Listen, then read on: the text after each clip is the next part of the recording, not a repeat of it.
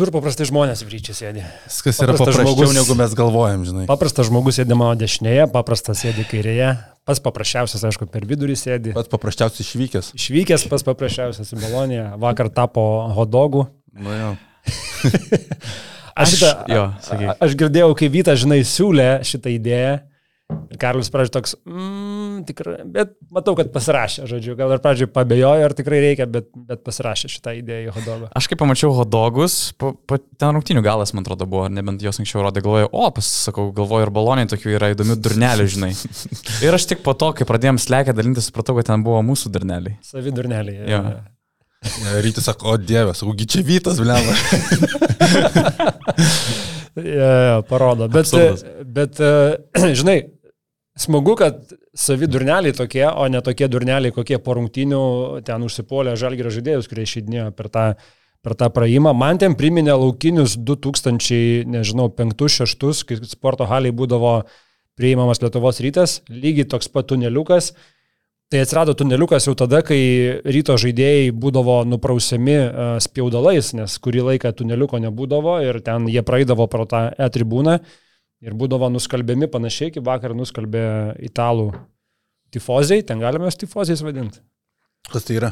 Fanatai, ne? Aš žinau, čia boisai kažkokie ant krūtinių užrašyta bois. Jo, tai Ulanovai sakė, akmuo praskrėjo palei nosį praktiškai. Čia tai kosmosas. Akmuo tai palei nosį. Praktiškai galvą pataikė. Wow. Ja. Wow. Taip galėjo baigtis. Bliama, nu, banas, be žiūrovų žais tokias rungtynės. Ta prasme, tai ką, banas bus tik tada, kai pataikys, o visus tuos mes bandymus mes galim toleruoti. Kosmosas. Ir ta prasme, ta prasme ko iš kokio atstumo jis turėjo parskrėti, žinai, ne iš arti. Wow. Kok... Tai jo, Bolonija e, Virtus žaidė šitoj salėje kaip laikinai, jie turi didesnę, naujesnę, modernesnę. Tai iš koridorių gal ištraukė tos akmenys, ten statybų tos aikštelės pasiekė. Jo, jo, tai vad mūsų Lukas Malinauskas, jis per, pirmadienį šiaip turėsim kioniai podcast ir su Luku, ir su Hodogu Karoliu tai jie papasakos daugiau iš vietos, bet kiek, kiek Lukas pasakojo, tai jo, ten tokia statybų aikštelė primena tą areną, jinai atsinaujina, tvarkoma, bet nebaigta kažkur vietom. Nu, ne pati moderniausia Eurolygoje. Nuskambėjo ta arena po Rohupso kolegos Cezarė e, tweetų kelių ir įsidėjau, mačiau ir mes, ir kita Lietuvos medija, manau, įsidėjo ir nemažai galbūt kažkas užsienio, tai Sluku, kaip tai paklausiu, ar ten tikrai taip blogai, kaip atrodo, sako, nu, viduje tai viskas kaip ir normaliai, ten, okei, okay, užkulisiuose gal ten prasta situacija, bet kaip ir nekliūna akis, bet tas Cezarė gavo, sako, skambutį iš Virtuso už, už reklamą, kurią padarė. Okay. Čia dabar buvo seniausia arena, kur žaidė Eurolyga, kur šį sezoną vyks, bet man buvo keista, kad antra arena, žinot, pagal senumo kiek yra Eurolygoje šį sezoną? Milanas? Makabis. Makabis. Tai man, man buvo keista, nes jinai šiaip atrodo tokia moderni visai. Nesulyginsi tos senos Taip. arenos ir šitos, bet aišku, renovuota keletą kartų. Nes jinai šiam kažkelintais pastatyti buvo. Marožnai bent kokius tris kartus renovuota. Atsimenu, kad kai Eurobasketas ten vyko, 2017 ir 15. 17. 17 jo, tai tada vadomėjau, kad turbūt man regis paskutinis buvo būtent prieš Eurobasketą atnaujinimas, bet ten jie vis kažkiek kartų atnaujino. Mm. Milano šiaip irgi sena, Italijoje šiaip turbūt su arenom problemytė. Italija ir Prancūzija - tragiškos salės. Ir iš lauko kaip atrodo, ir iš, iš vidaus. Prancūzija pasikeis. Vilerbanas į Lyoną labiau kelsis, ne, ta salė labiau Lyonė bus. Mm. Moderniai lapkričio gali atsidaro. Šiaip predikšia arenų Münchenas, Valencija, metų bėgi, ta pati Bolonija, man atrodo, irgi ten status tas arenas, tai bus gražiau. Bet Aleksandro Nikolčius yra legendinė. Sukalta. Atrodo, kaip, kaip seneliai būdavo sodose, iš ką, ką turi, tą sudeda jie. Ramba ten tikrai baisiai atrodo ta, ta arena ir viduje ten nėra ką geriau, žinai. Tengi apsigyvenusios tos katės, tos tribūnos, koridoriai, nu ten jokinga, ten sako, aš niekada nepamiršiu mano pirmą apsilankimo Nikoličiui, kur sako, su kolega Serbu prieš Žalgerio rungtynės žaidė Partizanas, dar tada buvo Europos turėjo, iš viso abą lygą su Zadaru per ilgąją pertrauką sako, einam parūkyti lauką. Nu gerai, outside tai outside. Pasirodo, išėjom tiesiog į koridorių, kur stovi visi robokopai. Nu, tiesiog koridorius vidaus arenos, įsivaizduokit, žalgio areną, visi išeina iš tribūnų zonos tiesiog į koridorius ir visi rūko. Ir tenais šimtai žmonių gal, žinai. Po to grįžtis mirdantis visas. Normalu. Nu ką, pasidžiaugim? Pasidžiaugim, bet prieš džiaugdamiesi atiduokim duoklę tai savo, savo partneriam. Dar labiau pasidžiaugim iš tikrųjų savo partneriais, kuriuos turime. Uh, tai yra Telia Play. Telia Play tai yra a, daugiau ne televizijos kanalai, tai yra platforma, kurioje rasite ir televizijos kanalus, ir a, daugybę atrinktų filmų, a, vaikiško turinio, HBO Plus, kur yra naujausi filmai rodomi Discovery Plus, kur irgi daugybė pramoginio turinio ir dokumentikos. Tai platforma tv.telia.lt arba teliaplay.lt. Tai yra platforma, kurioje pasieksite ir tą patį krepšinį, nes visi sporto kanalai irgi viską galima prie ten įsigyti. Ir kaip sakiau, daugybė, daugybė kito turinio, kuris tiesiog yra pasiekiamas irgi pas juos. Gyvenam ir džiaugiamės dabar su Teleplay pasiemėm. Tai kiekvieną vakarą mes nebuvom matę sostų karų su Juste. Mm. Tai HBO pajungtas, kiekvieną vakarą tokia praeina diena ir pasijungita serytė, viskas labai patogiai, tai džiaugiamės tikrai. O kiek dabar paketai pas jūs kainuoja? Ten iš viso dabar tu gali įsigyti pirmus tris mėnesius, tau už ten simbolinę kainą duoda, o po to tu įpratėsi jos. Tai ten mm. tie pirmi trys mėnesiai, sakau, iš viso net nejauti, kad, kad e, tu už kažką moki. Visi planai, visi planai dabar, ką jie siūlo, čia tokius penkis skirtingus, du nauji, pats nebuvau matęs, uh, jie duoda mėnesį nemokamai. Tai iš esmės tu tą mėnesį vat, gali, gali pasibandyti, mm. kaip tau patiks.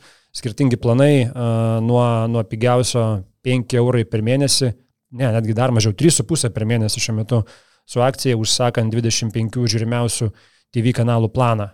Tai 3,5 euro, paskui tu gali paimti. Ir sporto koks paketas. Nes aš šiaip, man atrodo, irgi teleplay naudoju tik tą minimalų paketą. Man, man tų sporto kanalų nereikia susišaudau po to per instatus viską, bet...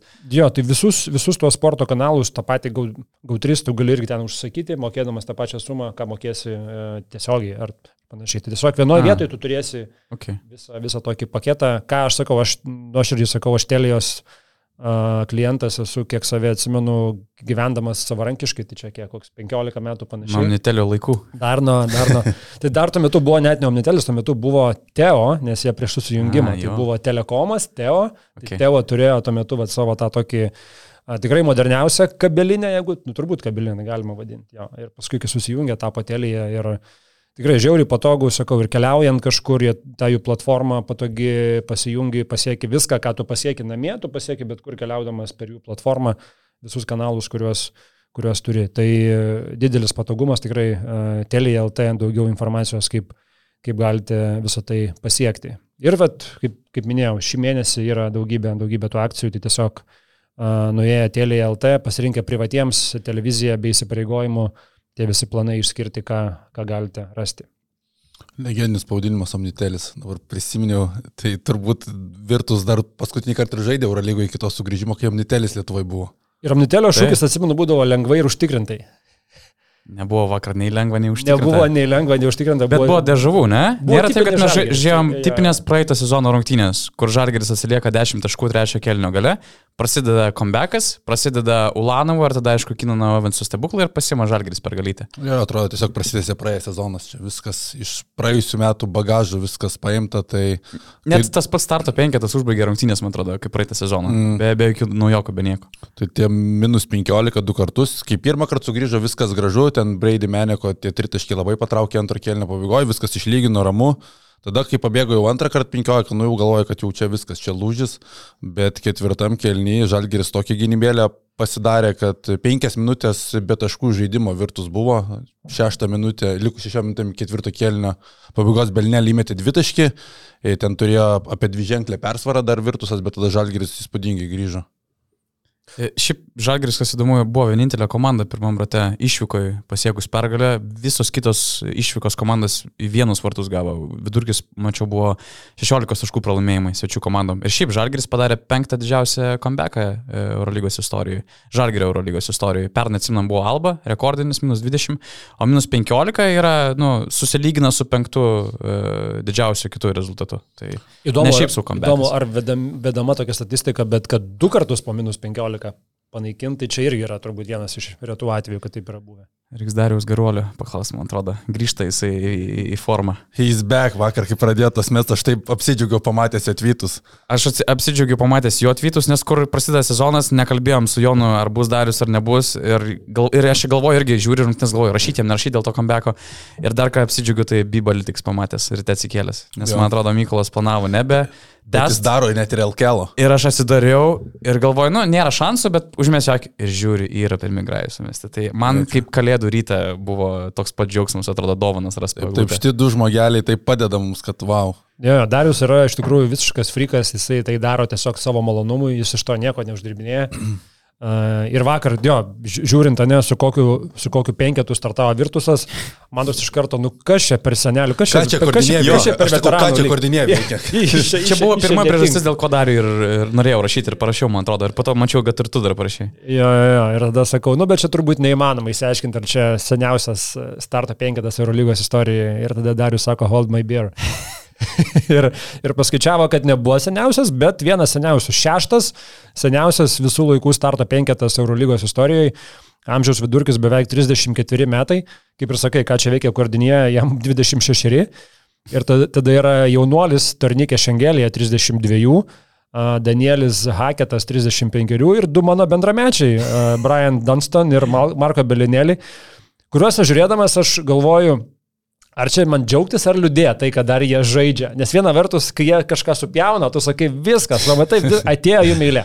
Bet kai jie gerai kažką padaro, galvoju, bračiai. Turėjai džiaugtis, nes Žalgris ir startavo 10-2, kažkas tokio, jo, su jų starto penketą. Nasnas paskui dar kilo? Jis, ne, jis ir prisėdo, ne? jo, jo.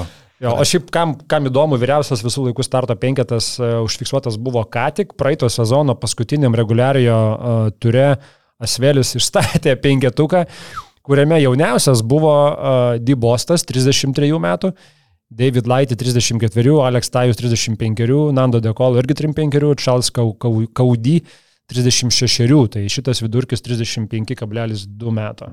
Šiaip dar apie Dariaus tos skaičius pateikimus, kas man patiko prieš pat Eurolygos startais, ištraukė statistiką daug komandos, kiek iš viso mačų yra sužaidę Eurolygos žaidėjai.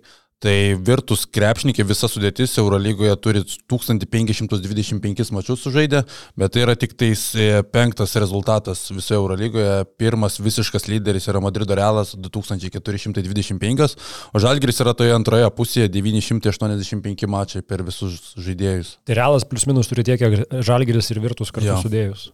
Okay. Bet šiaip jo, pirmas rungtynės tokios, sakom, žalgriškos.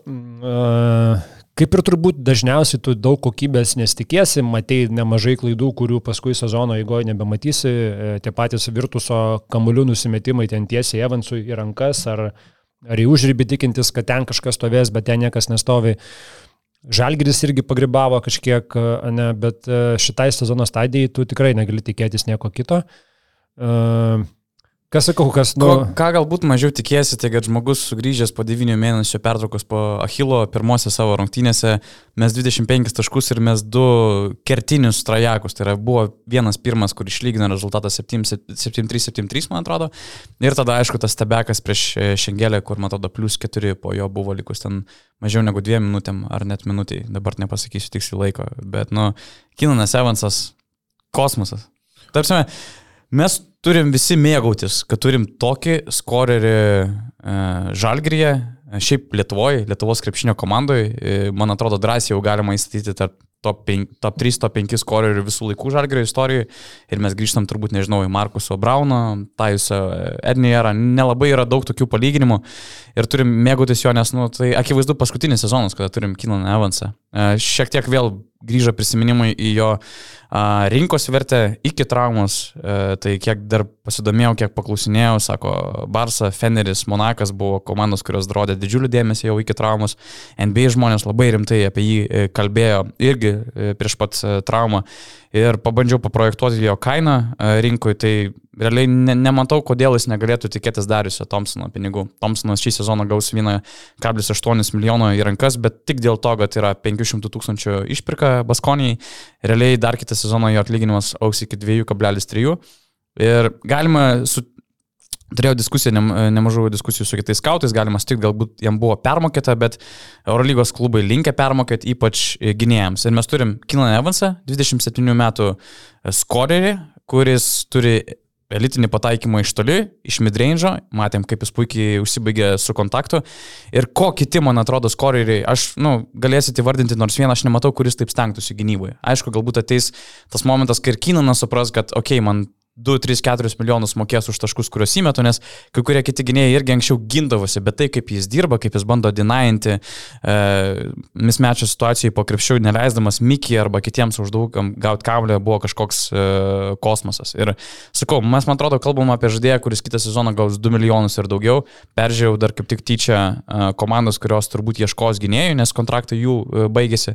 Tai yra Monakas su Maiku Jamesu, Jordanu Lloydu ir nu, Kemba Walkeriu, bet aš jo kaip ir neskaitau dar žaidėjo, kol jis nesužaidė. Monakas čia gali pridėti dar vieną gynėją. Jiem, jiem, niekada nebus per daug. Kinas Evansas gali būti penktas jų gynėjas. Tada Efesas yra su Šeinu Larkinu ir Rodrigu Babo, kurių kontraktai baigėsi.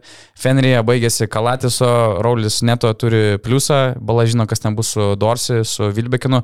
Milanė yra Kevinas Pangusas, Devonas Holas, Billy Bernas su besibaigiančiais kontraktais.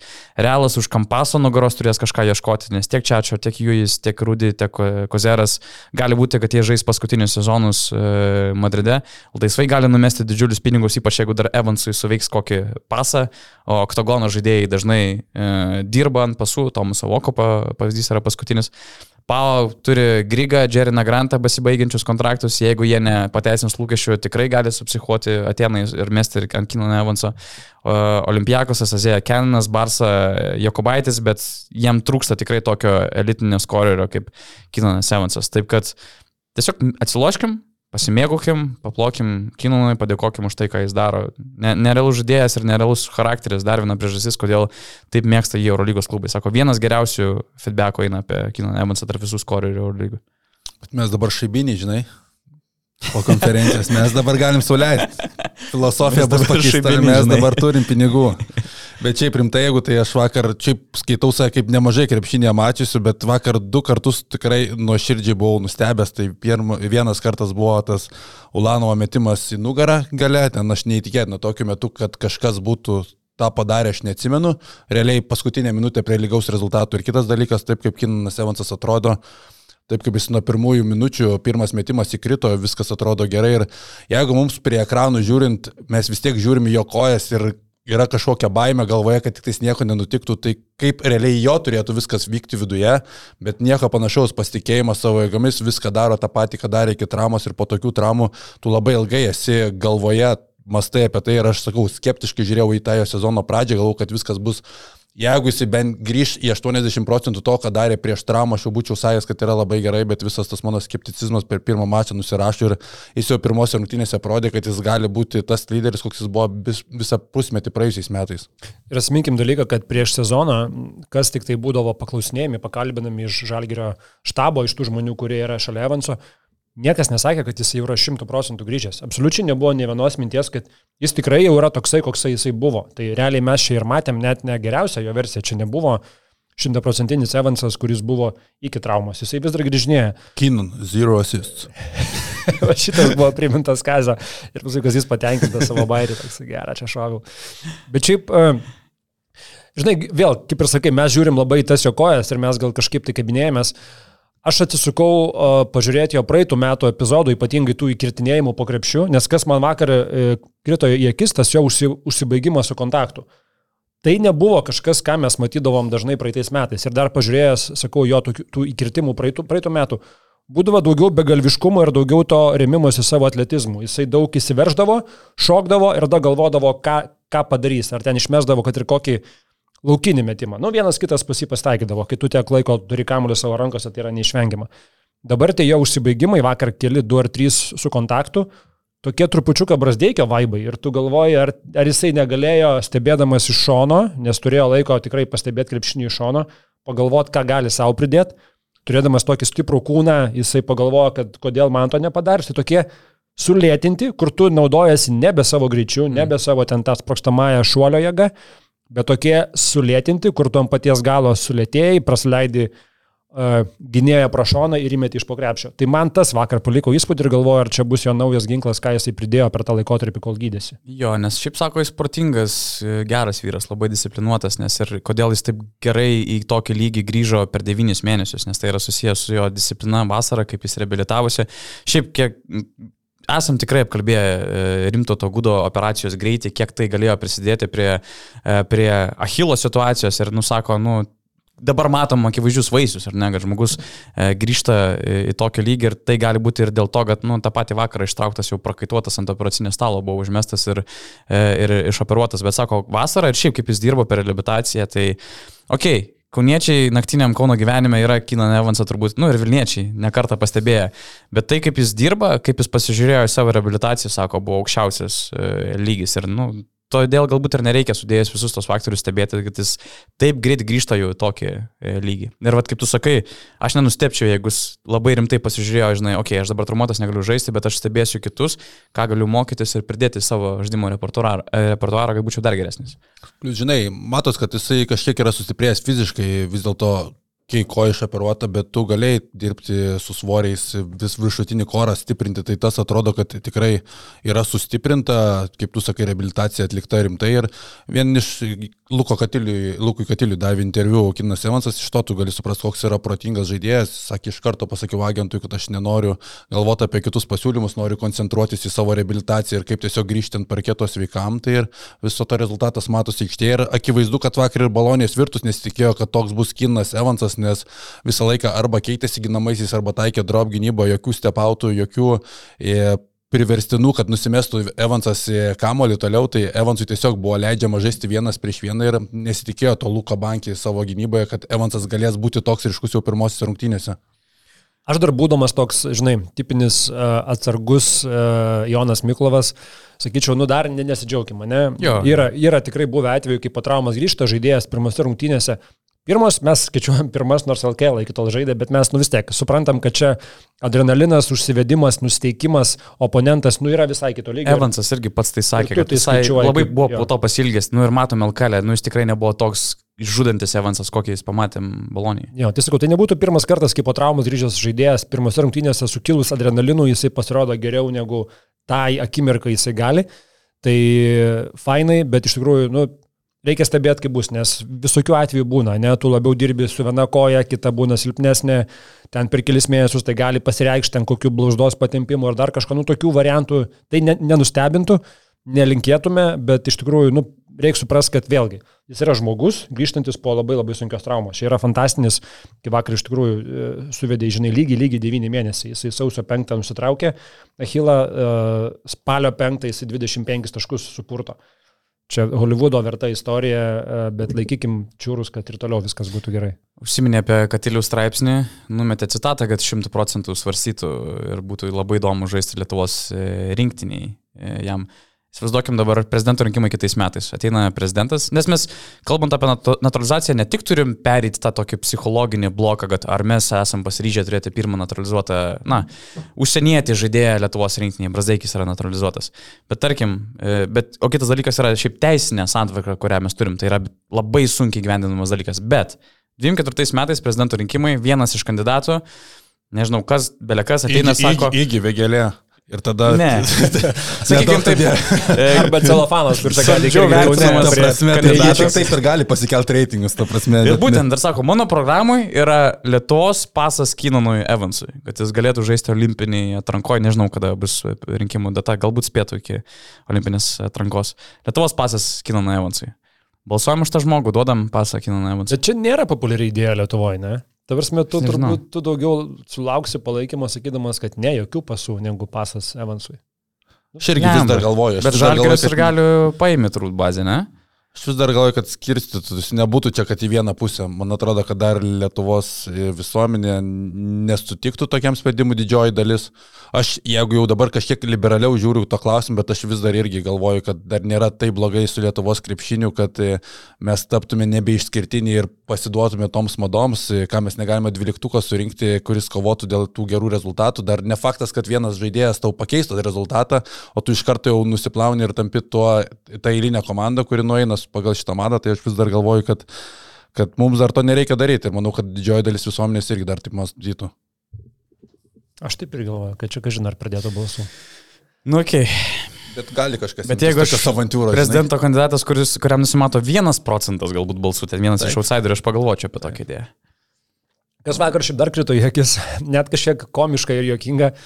Kiekvieną kartą, kai Roland Schmitz atsidurdavo prieš Akilę Polonarą, kaip, kaip visai Žalgerio komandai atrodo tiesiog valio, reikia reik kažką daryti, reikia dabar. Ir dabar kišam tam Šmitui, kišam. Ar Šmitas pats vienas prieš Polonarą? Jie visi taip puikiai žino, kad Šmitas tą Polonarą valgydavo pusryčiams e, Žalgirio arenoje kiekvieną kartą, likę vienas prieš kitą. Tai šitą, šitą, matyti ir buvo žiauriai, žiauriai ir juokinga. Man atrodo, sakė kažkas, kad per trefkės žiauriai ten būdavo blogas mismečas planarą prieš ir, šimtą, ir, ir kiek teko girdėti, planarą labai dėl to nervindavosi, kad, kad jam tenka suryt šmito alkūnės ir viską per treniruotės, nes nu, sunku su juo būdavo. Bet žinai, mes kitoje pusėje turėjom planarą. Nebuvo to paties jausmo su Meniku. Kai Girtus pradėjo baisiai bausti. Ypač antro kelnio pabaigoje, man atrodo, penkis taškus grinai per meniką. Ir, ir visai, dėl to, kad jisai nesusigaudė gynybui kaip popino, kažkas iš užtaugimo, atrodo, galbūt Miki. Po to šengelėje nu, tiesiog atsivedė už rankos į būdos aikštelę nuo trajako ir ramiai praleido, susimetė taškus. Ir kartais aš žiūriu ir galvoju, aš galbūt jau geriau turėsiu. Man Dimša prieš Virtus aukštaugį nėra toks mismečas kaip menikas galbūt. Vakar Dimša gerai užtavė kelis kartus tikrai. Jo, ir galė dar su, su to pačiu Miki.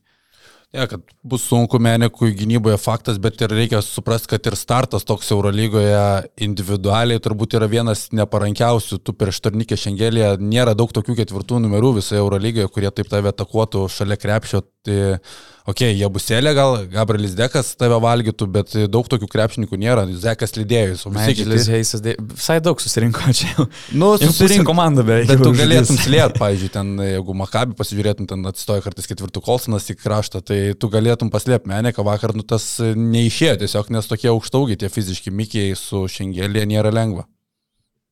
Kas vakar irgi neįsipaišė į, į, į, į turbūt tą visą gražų vaizdą. Tas pas Nas Mitrolongas, man buvo keista, kad jisai buvo dešimtas žaidėjas aikšteliai, penktas nuo suolo pakilęs, paskutinis iš esmės nuo suolo pakilęs. Galbūt ir tai kažką iliustruoja, galbūt jau treneriai matė iki rungtynių, kad jisai treniruotėse galbūt kažko, kažko neišpildo, kažko nepadaro.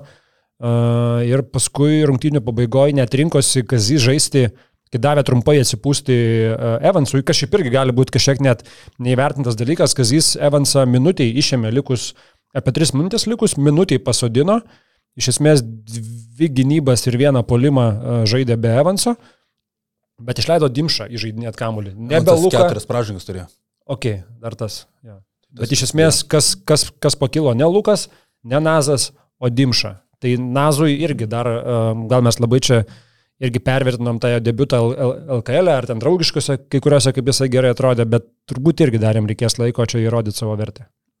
Reikės, reikės laiko, netrodė užtikrintai, kuomet jisai valdė komandą, toksai... Kažkaip perdėgęs gal. Padrikas krepšinis, jo. Žinai, žaidai prieš Virtus, esi nušiltas fanų, nes žaidai už Milaną, nori pasirodyti auditorijai, pirmas grajus už Žalgerį, gal biški su sprendimais skubėjo. Tai tie du tritaškiai kažkiek pašvelino tą vaizdą, bet jis nebuvo tikrai geras, bet pagarba Tomui Dimšai. Jisai matėsi, kad buvo, turėjo nurodymą nuo pat pradžių, ėjęs į startą atakuoti Belinėlį, bet ir po to, kai jau Belinėlį net nebuvo prie jo, jisai tikrai labai tvarkingai tvarkėsi su užduotimis, užsibaigė metimus, pats sustatė tą komandą. Tai Dimšai šiaip dabar yra idealus šansas dar labiau užsirekomenduoti ne tik treneriams, jis jau treneriams yra seniai užsirekomendavęs, bet jis gali net užsirekomenduoti kaip Eurolygoje žiūrint tarptautiniu mastu, aš galvoju, nes tu dabar esi Žalgirio starto penketo atakuojantis gynėjas gynėjas.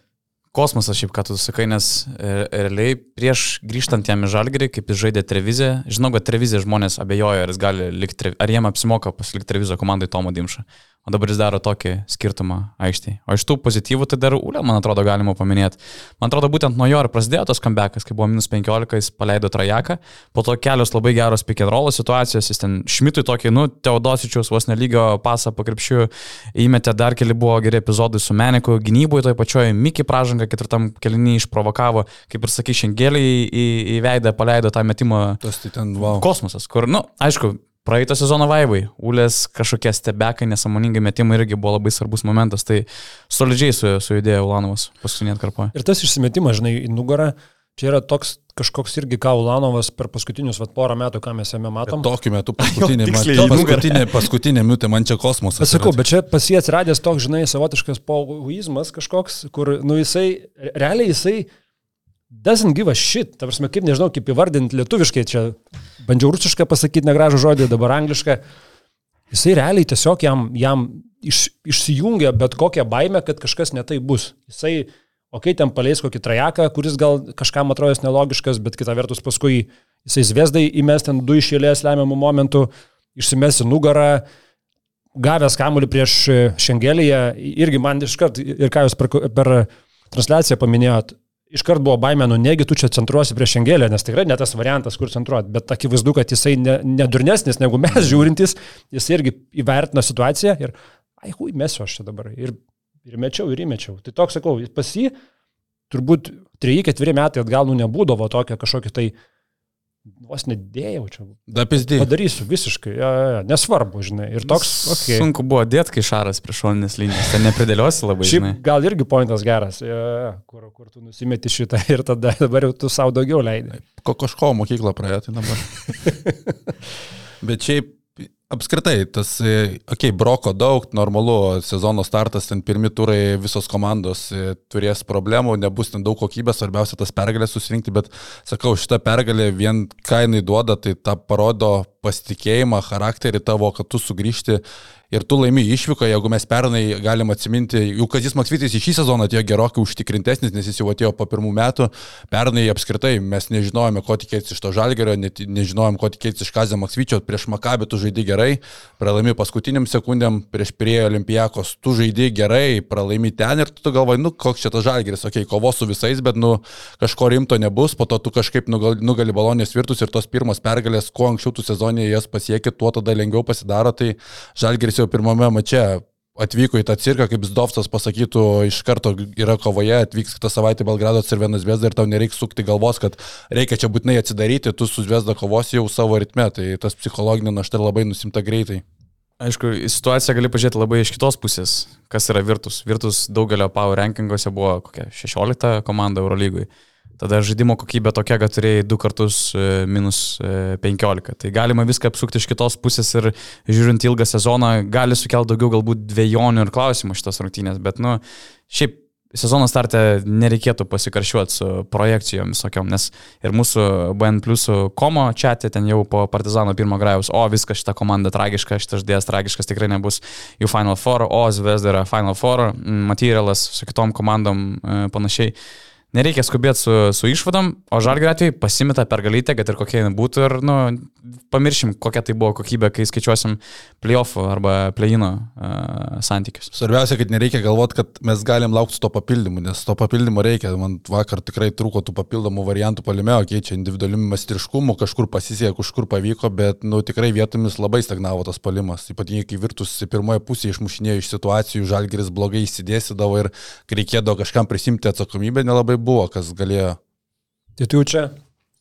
Tu jau čia mačiau, nu, nuvedėjai, nuvedėjai labai profesionaliai šitą temą, tu parašiai kelis kandidatus, jeigu kartais žalgiriui su visų uh, skautingų, skautingo departamentų trūksta idėjų. Dirbam, padedam, tai dirbam, padedam. Jonas Lekšas eina į pagalbą ir tiesiog patari, patarimus pažarstys, tai įgarsink e, savo, savo žaidėjus, kuriuos matai šitoje pozicijoje. Jo, čia šiaip pliusams tekstas, tai gal visko ir neįgarsinsiu, iš esmės tai yra daugiau tas spekuliacinis dalykas, toksai, kur tu nežinai tikrųjų situacijų, kiek jie gali dominti žalgerį, bet sakau, ėjau aš per tas visas lygas, per kad atitiktų vienintelį tą kriterijų, kad turėtų Europos krepšinio patirties, kai kas ir Eurolygos turi patirties tarp tų žaidėjų, tai žiūrėjau, kas laisvo, pasidomėjau, kas tikrai atkrenta, tai ten, jeigu pradžioje buvo tokie variantai minimi kaip Higginsas, Prepeličius, Holinsas ir panašiai, tai dabar šiai dienai tikrai to nebus. Žalgeris dairosi į kitas rinkas, tai tarp tų kurie Europos patirties turi, tai sakau, įdomesnių, įdomesnių žaidėjų, tai Kelevas Homesley, kuris e, domino Žalgerį dar prieš atvykstant Ignui Brasdeikiui, tuomet jis pasirinko tos e, rusiškus pinigus, dabar žaidžia Turkijoje, pradėjo įspūdingai sezoną, to fašė berots, tai Homesley toks net ir panašus kažko žaidėjas į Brasdeikį, po to toks spekuliacinis dalykas, kuris turbūt nelabai kažkiek ir realus yra, bet pagalvojau, kad, okei, okay, jeigu Kazis Maksvitis savo, kad mes norėtume panašaus žaidėjo į Igną Brasdeikį, tas, kuris turi daug kamulio, turi lyderio savybių, gerą prasiveržimą, tai pagalvojau, kas būtų, jeigu Žalgiris sudėtų Marku su Fosteriu, tai man tas nuskambėjo ganėtinai įdomi, mes pernai spekuliavom podcastuose, kaip atrodytų pasikeitę, jeigu išeitų Brasdeikis ryto, o Fosteris ateitų į Žalgerį, tai sakau, dabar toks variantas, kur atrodytų net ir logikos tame būtų. Bet čia sproktų galvos ir Žalgerio fanam, ir ryto fanam. Žalgerio fanams sproktų galvos prisiminus šitą. Hmm. Ryto fanams sproktų galvas prisiminus, kad čia dar žmogus, kuris ką tik tau taip stipriai padėjo. Užtenka ryto fanų galvų spraginėjimo, gal Zavatsko užtenka. Tai... Ar tas Pazavaskas dabar čia išlindo? Ja. Po vieną per sezoną gal, gal galvelę. Fosteris pernai pasiklausė Žalgerio deriniukų kaip priejasi, ką, ką ten, ką ten Kazis rodo, tai sakau, nu šiaip tų variantų nėra per daugiausiai, tikrai šešis atrinkau ir labai sunkiai per visą pasaulį reikėjo eiti, kol prie jau net Filipinų lygą, kur Rondė Holsas Jeffersonas yra, tai Tai tų variantų tikrai nėra daug, kurie būtų atitiktų Eurolygos lygį ir turėtų Europos krepšinio patirties, nes leido aiškiai suprasti tiek Kazis Maksvitis, tiek Paulius Jankūnas, kad dabar yra pirminis variantas ir noras turėti žaidėją, kuris atvyktų šią dieną ir iš karto galėtų padėti, tai reiškia, kad turėtų Europos krepšinio patirties, tai ta rinka yra labai siaura, nu, bet ne veltui perėjo Olimpijakos kvietėsi Igna Brasdeikį ir mokėjo pusę milijono eurų. Tai... Aš tą pat norėjau sakyti, nu, tai, kad rinka yra siaura, iliustruoja ir tas pavyzdys, kad ir, jau. Ir toj rinkoje plaukia reikliai, nes tas pats Paukį girdėjau, žiūri rinką ir maždaug ta, tos pačios pozicijos žaidėjai, tie patys Kinijos klubai aktyvėja ir sako, ten prasideda algos nuo 1,2, 1,3, 4, 5 milijono uh, per sezoną, tai ne tik, kad Europos tos marketas prastas, tų pačių NBA žaidėjų dar reikėtų ilgai palaukti iki spalio pabaigos ir dar kovoti su tais visais reikliais. Tai, o dėl Homesley, ką girdėjau, tai Šiaip su to fašu Žalgeris turi gerą patirtį, Vasilė Micičius visai dėkingi, kaip, kaip tą žmogų užaugino uh, bursą. To fašys, man atrodo, žaidė prieš Žalgerį. Jo. Bet girdėjau, nu, aš nesizduoju kaip, nes šiaip Turkija yra didžiulė krizė, tarsi palyginį lyros uh, kritimo nuosmogį, nu tai tiesiog muša istorinius dugnus, bet girdėjau, kad toks Homesley, kuris šiaip man labai imponuotų, aš galvoju, kad Žalgeris turėtų eiti labiau ant kylančio naujo veido, negu ant kažkokio nurašyto, brokuoto, žinoma, žaidėjo. Girdėjau, kad Nitafašas beveik pusę milijono jam moka eurų, kas yra kosmosas. Ir kiek atsimenu, kai Žalgeris domėjosi, Žalgeris galvoja apie jį kaip maždaug 200-250 tūkstančių eurų žaidėją, kas yra normalu, tai yra Eurolygos debutantas, bet, nu, įsiviliot jį iš Tafašo, kur gauna tokias algas, permušinėt tas algas, mokėt bajautus, nu, čia galbūt net gautus per didelę investiciją tokio žaidėjo kaip Bet pinigų, pinigų mes turim. Bet šaibu yra. Pinigų mes turim. 14 milijonų biudžetas, kaip pamačiau Paulius Jankūno konferencijoje, kad pernai Žalgeris turi 14 milijonų, tai žaktelėjau, negalėjau patikėti. Senais gerais litais skaičiuojančia 50 milijonų litų. Štai taip. Bet kad ir kaip tai skambėtų, aš primečiau tą praeito sezono uh, Eurolygos biudžetų projekciją. Tai vis dar skurdžiai tame toje projekte. Ir Žalgiris realiai 13-14 su tais 8,6 milijono žaidėjų algom. Tai yra 13-14 biudžetas Eurolygai. Ir čia lenkiant Zvezdą ir Partizaną, kur ten jie turi po kelis milijonus pagal juos. Ai, nu, tokiu atveju Žalgris aukščiau tada. Jeigu, jeigu oficialus jų biudžetas yra mažesnis, tai jo. Bet, nu, ne, Zvezdas su Partizanu surinks didesnį biudžetą, matom iš tų kontraktų. Bankas, bankas gražiausia iš to skaičiaus 14,2, tai kad e, valstybės pinigų ar savivaldybės pinigų tam yra tik 2 milijonai. Vadinasi, Žalgiris 12 milijonų susigeneravo pats, ar tai yra iš remėjų, ar iš bilietų, ar iš Eurolygos TV transliacijų teisų. Ir čia irgi yra skaičius, kurį būtų įdomu vat, būtent šitą palyginti, kiek klubas pats užsidirba pinigų ir palyginti visas komandas. Tai aš taip įsivaizduoju, Makabis būtų aukščiau, nes jie iš bilietų labai daug susirinka. Ir kas dar gali būti aukščiau? Nerastume daug komandų, kurios susigeneruoja tiek daug pinigų, nes jos arba gauna daug pinigų iš kažkokio tai vieno didžiulio savo savininko ar didžiojo remėjo, arba futbolo klubai randa būdų, ypatingai Ispanijos, o ne kažkokiais būdais suforminti kaip kažkokią paramą, bet iš tikrųjų tos pinigus patys nuleidžia. Tai vad vien tas, kad jie susigeneruoja 12 milijonų iš 14 patys, va čia yra didžiausias pagarbos dalykas. Partizanas pernai iš bilietų pardavimo susirinko 6 milijonus pajamų. Žalgeris 6,6, bet Partizanas turėjo vienu playoffų grajami daugiau. Nors nu šiaip jų arena talpina 20 tūkstančių, tai jeigu imtum po kiekvieną grajų, tai susidėtų per visą sezoną vos ne 85 tūkstančiais daugiau žmonių atėjo į Partizano rungtynės. Ir jau šiam sezonui jie pardavė 16 tūkstančių sezono abonementų. Tai ir kiek girdėjau, kainos didesnės, tai gali būti, kad susirinks dar daugiau pinigų, bet jo, jie turi kitus didžiulius remėjus. Ten vėlgi politinė situacija nesuprasi, ar ten valstybės kažkokie pinigai ir atvesti remėjai, ar kažkokia, kažkoks privatus sektorius, jie kaip ir sako, kad e, privatus, bet, bet jo, Žalgeris iš savęs turbūt sugeneruoja daugiau negu Partizanas. Kas yra liūdniausiai tuos skaičius žiūrint, tai yra, turbūt yra tai dalykas, dėl kurio Paulius Matijūnas visgi išėjo į Eurolygą, tai kad iš, iš pajamų, iš TV teisių ir va, tų sportinių premijų, kurias gauna iš Eurolygos, tai yra mažiausia eilutė - 1,8 milijono visam normaliam klestinčiam sporto pasaulyje lygų dalyviai iš lygos gauna krūvą pinigų. Krūvą. Tarsi, nes lyga dirba e, profesionaliai, pardavinėja brangiai transliacijas ir tada tuo piragu dalinasi su komandomis. Tai tokiu atveju, kad mažiausia eilutė sudaro pajamos iš lygos, manau, jokio normalio lygio. Čia kiekviena komanda skirtingai gauna iš Eurolygos. Tai priklauso, priklauso nuo TV transliacijų uh, vertės visos tame regione, tai yra konkrečiai Lietuvoje.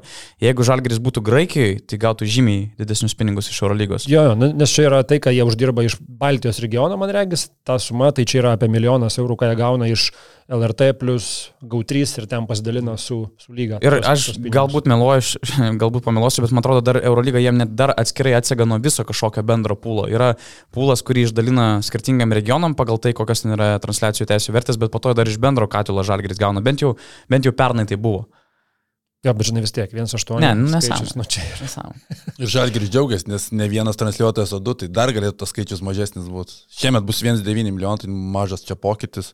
Bet e, šio sezono biudžetas 13 milijonų, bet aš net nebejoju, kad jis bus didesnis. Irgi pasibaigus sezonui 5 milijonai planuojama iš bilietų, pernai uždirbta 6,6, tai buvo tos vienos rungtynės playoffų, bet šiemet ir bilietų kainos yra pakilusios. Ir ženkliai pakilusios šiaip. Jos, jo. jos tikrai pakeltos e, tiek, kad e, teko girdėti, kad net ir nu, dviejoja prieš sezoną, ar čia žmonės sargaliai neišsigas, nesupyks, kad tie bilietai pabrango.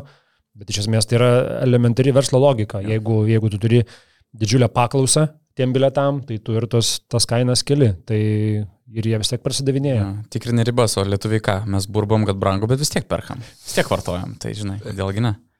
Tai tas čia pesimistinis, man atrodo, variantas, nu, tas 5 milijonai eurų čia surinkti iš, iš bilietų, tai, tai tikrai viršys ir dar, kaip supratau, tose biudžeto eilutėse nebuvo Igno Brasdėkių išpirka įtraukta, tai dar pusę milijono, tai Tai čia pinigai, tai galvoju, kad gali būti net viršytas tas biudžetas, kuris buvo pernai. Šiaip realiai Žalgris uždarė tą top 4 Lietuvos komandų biudžetų ratą, e, nes viešai ta informacija, kuri buvo pateikta, nu, tai turim Žalgrį, 13 milijonų bendras prognozuojamas yra 8,6 algoms, Vulsai, Algymantas Brūžas, o Dangau Berot, tai buvo e, laida ar ne, minėjo, kad bendras biudžetas 4,5 milijono ar šiek tiek daugiau, algoms 2,9 Ryto biudžetas 4,5 ir algoms e, žaidėjų trenerių 2,1. Ir man atrodo, Martinas Purlys galbūt Lukui Katiliui interviu minėjo, kad bendras biudžetas 2 milijonai, o algoms jau po mokesčių 1,3. Man atrodo, tai taip mūsų atrodo uh, top 4. Šiaip, kiek teko kalbėti su kai kuriais uh, krepšinio žmonėm vadybininkai, sako, ryto Vulsų pajėgumai yra pakankamai geri pabandyti laimėti, tarkim, Eurocapą ar Bisielą. Sako, su tokiais biudžetais tu gali lankščiai pažiūrėti ir surinkti įdomią komandėlę. Ir yra logikos, pavyzdžiui, Vulsai žaidė su Paris Basketball, rezultatas minus 27 ir Paris Basketball realiai uh, žaidėjo algoms išleidžia lygiai tiek pat pinigų kaip Wolves - 2,9. Ir jų yra trečias biudžetas Prancūzijoje. Aukštesnius turi tik tais Asvelis 7 algoms konkrečiai ir Monakas 13. Tai Tai va, taip atrodo. Sudėtėlės stipriai skiriasi šiek tiek. Visa problema, kad ta komplektacija tokia klibanti, kleranti vilkų kad ir pinigų tiek pat, bet e, su komplektacija ten gal kažkiek buvo nepataikyta. Nelabai matau, kur tas antras Lietuvos biudžetas. Realiai pagal tas sudėtis, okei, tu supranti, kad permokėjai pirmą sezoną, esi įklimpęs su lietuviais, e, bet tada tu legionierius, taikiai, suprantamas tas noras, okei, turėti savo veidą, Taylorą, jeigu taip lipdai, aš taip nedaryčiau, bet, nu, gali suprasti dar, kad tu tokio lygio žaidėją nori turėti kaip savo veidą, jisai dabar trumuotas, tu jo nematai, bet kai tu pažiūri legionierius, pažiūri, kas buvo lipdoma aplinkui, nu, tai tos logikos daug labai nematau ir toks atrodo, kad, nu, tikrai netrodo reikia labai didelio didelių žinių, kad pasikviestum Gagičių, pasikviestum Kariniauską, pasikviestum Žagarą, okei, okay, iš tų gal aukštų legionierių, gal Mekovulų, vienas įdomesnis toks legionierius, visa kita, tai nusakau, neatrodo, kad labai limpa vienas prie kito, nei kad atrodo labai logiškai atrodo iš šono žiūrint. Jo, sunki situacija su Vulsais, kiek tenka girdėti, nu, kiekvienoje grandy yra ar tai kažkoks konfliktėlis, ar, ar, ar, ar trintis, e, žaidėjai, vadovybės, e, trenerių štabas.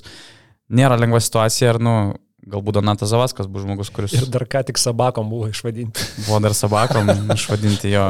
nu, ten netrūksta Vulsose. E, Čia toks, žinai, aš, aš buvau tas, kuris, kai krepšinio fanai pradėjo lyginti Žemelį su Romanovu, aš buvau tas, kur sakiau, ne, ne, ne, jūs kalbat nesąmonės, aš apie Romanovą kažkiek daugiau trupučiuką domėjęsis ir matęs, nu ten dar kita menulio fazė su lyginant su Žemeliu. Bet šita e, Žemelio žinutė Facebook'e, ką jis parašė, man jau čia buvo Romanovo vaibai, jau čia tokie, kur, kur nu, vat, skaitai ir tu galvoji, nu visgi tie žmonės gyvena trupučiuką kitoj dimensijoje. Jie kitaip mato dalykus, jie kitaip yra linkę uh, juos komentuoti, jie kažkodėl galvoja, kad jie gali uh, žmonės, kuriems, okei, okay, tu mokė atlyginimus, viskas tvarkoji, tu tarsi nu, atsakingas už juos, nežinau kaip. Bet ar tai suteikia tau teisę vadinti juos sabakomis? aš nežinau. Aš kur, nežinau, aš nebekreipiu dėmesio. Tiesiog, kur, kur to aš pasiekė ribą, kai aš tiesiog jau ne, perskaitau ir galvoju, okei, okay, kita naujiena, važiuojam toliau. Jo, jo, tai jo, čia turbūt daug kas matė, girdėjot, kad uh, mes apie tai Maros nerašėm, bet Žemelis po to pralaimėjimo Paryžiui pasakė, kad uh, savo žymėje frazę, kad kas negavęs lūpti tas nesupranta gyvenimo, ar kitaip supranta gyvenimą, čia kažkokia jo yra žymioji frazė, jis taip jie pristatė. Ir tada, vat, sako, kad mes kol kas esam ne vilkai, o sabakos. Nu, bet iš kitos dimensijos įrašė 11 tūkstančių metrų aukščio, tai gal suprantama. jo, šiaip, e, jeigu kas iš tikrųjų, kalbant apie vyriškumą ir kas yra sabakos, o kas yra vilkai, vyriškumas yra labai lengvai patikrinamas, pasirodo, nereikia daužyti ausų kumščių į kreušę, o tu gali pasimatuoti tiesiog savo testosterono lygį. Aš nežinojau, kad yra tokie tyrimai daromi, bet uh, Antėja, kuri yra mūsų partnerė uh, šios uh, tinklalaidės, uh, šį mėnesį skelbia vyrų mėnesių ir uh, siūlo įvairiausiams tyrimams 25 procentų nuolaidą. Uh, kas yra aktualiausia ir turbūt ypatingai vyresniem vyram, tai yra prostatos tyrimas, tyrimų programa, kuria irgi yra taikoma nuolaida. Kažką norėjai sakyti. Pasakėjai vyresniem vyram ir man atrodo, mes jau patenkame į tų vyresnių vyrų kategoriją, ja, kur, kur aš klausydavau iš šono kaip visiškai nesuinteresuotas e, vyras anksčiau, tai dabar galvoju, kartais ne, ne virš 30 visiems jau reikia pradėti jau atsakingiau žiūrėti savo, jau, savo situacijas jau, jau, galimas. Jau, žinai, aš nežinau, kiek tu pajutai perkopus tą ribą, bet aš nu, pradėjau pajus, kad tas nuovargis jisai kažkoks greitesnis. Po kažkokio... Man sunku lyginti, man nuovargis prasidėjo su vaiko atsiradimu. Vat, nu, čia tai, dar vienas. Tai čia sutapo su mano įžengimu į šitą 30 metų klubą. Jo, bet, va, bet tyr, tai apie nuovargį kalbant, Antėja turi net nuovargio tyrimų programą. Mini, MIDI, Maxi ir jom šitam programui irgi yra taikomos nuolaidos. 25 procentų, sakau, vyrų reprodukcinės sveikatos tyrimų programa, testosterono koncentracijos nustatymas, kur, kaip minėjau, tikrai negalvojau, kad galima ir tokį dalyką gauti ir tiesiog pasilyginti, ar viskas gerai, ir ten turbūt, jeigu kažko trūksta vitaminais, papildais ar dar kažkuo arbatėliam bandyti stiprinti, Antėja yra vienas didžiausių sveikatos priežiūros tinklų Lietuvoje, kuris teikia ne tik tai ten kraujo tyrimo ar skiepų paslaugas, tačiau ir šeimos gydytojų. Iš esmės, jūs galite užsirašyti į Antėją kaip į bet kokią polikliniką ir ten vykdyti savo tą tokią kasmetinę ar dažnesnę kūno priežiūrą, patikrą. Technikinę. Kaip viskas technikinė praeitį. Uh, 25 procentai spalį, ne? Spalį taip, 25 okay. procentai. Žinai, kai, kai yra tas momentas, kur galvoju, nu kažkada reiks nueiti, čia kaip nu, neprisivertė. Mm. Tai galbūt šitą akciją ir spalio mėno privers tokius kaip mane ir kitus uh, įžengti. Aš tuos pastikrinimus palikdavau metų pabaigai, kaip sakai, žinai, praeiti technikinę prieš šventes, vad kažką, bet dabar spalis tikrai 25 procentai, juolap, kai man čia Kaune šalia visai jie randasi, tai jo. Patinka šiaip vaikščiat, pasitikrinti? ne, ne, labai nepatinka šiaip. Okay. Ne, bet šiaip ant jie, aš nežinau, ar mus taip įskėpė, nes tėtis yra dirbęs ant jie, bet, nu, jeigu reikia kažkokių greitų tyrimų, kažką greitai pasidaryti, tai tik tai ant jie skambini, užsirašai, viskas greitai, tau tą pačią dieną ateina rezultatai, patogu, man sakau, Lietuva net nežinočiau, man kaip Pampers yra Pampers, žinau tik tai tokia firma, tai ant jie irgi, jeigu reikia kažkur privačiai ir greitai ir gerai, tai ant jie. Antėja mus gelbėdavo ir COVID laikotarpiu, kai reikėdavo keliauti ir ten tų testų kartais iššokdavo ir sužinodavai, kad vos neturi čia dabar greitai kažkur ir ten eilės būdavo, tai Antėjui, kaip sakai, jie turi didžiulį tinklą ir rasdavom, arba jie pasistengdavo surasti tą vietą kažkokią tai, kad įkišti žmogų tyrimams. Tai kaip sakai, jo, toks ilgametis draugas, kuris mhm. padėdavo nelaimiai. Jo, dar COVID laikais. Senai atrodo buvo. Blemba, žinau, kad taip dabar visi serga, žinai, primena. Grįžta, ratas, sako, ratas. baisiai daug ligonių. Ir pačiam teko persirgti su šeima kažką. Mm. Ir aplinkoje girdisi, kad COVID susirga, tai toksai žiūri, galvoja, okei, okay, okei, okay, kur tai išsitolios. Jo. Tai va, užsiminėm apie vilkus, apie rungtynės ant turbūt nežinau, ar kažką daugiau šnekėt. Irgi turbūt reikia laukti daugiau rungtynių, platesnio vaizdo, kad kažkokias išvadas padaryti, nuvažiavo, ten turbūt nieko ir negalėjai daugiau tikėtis.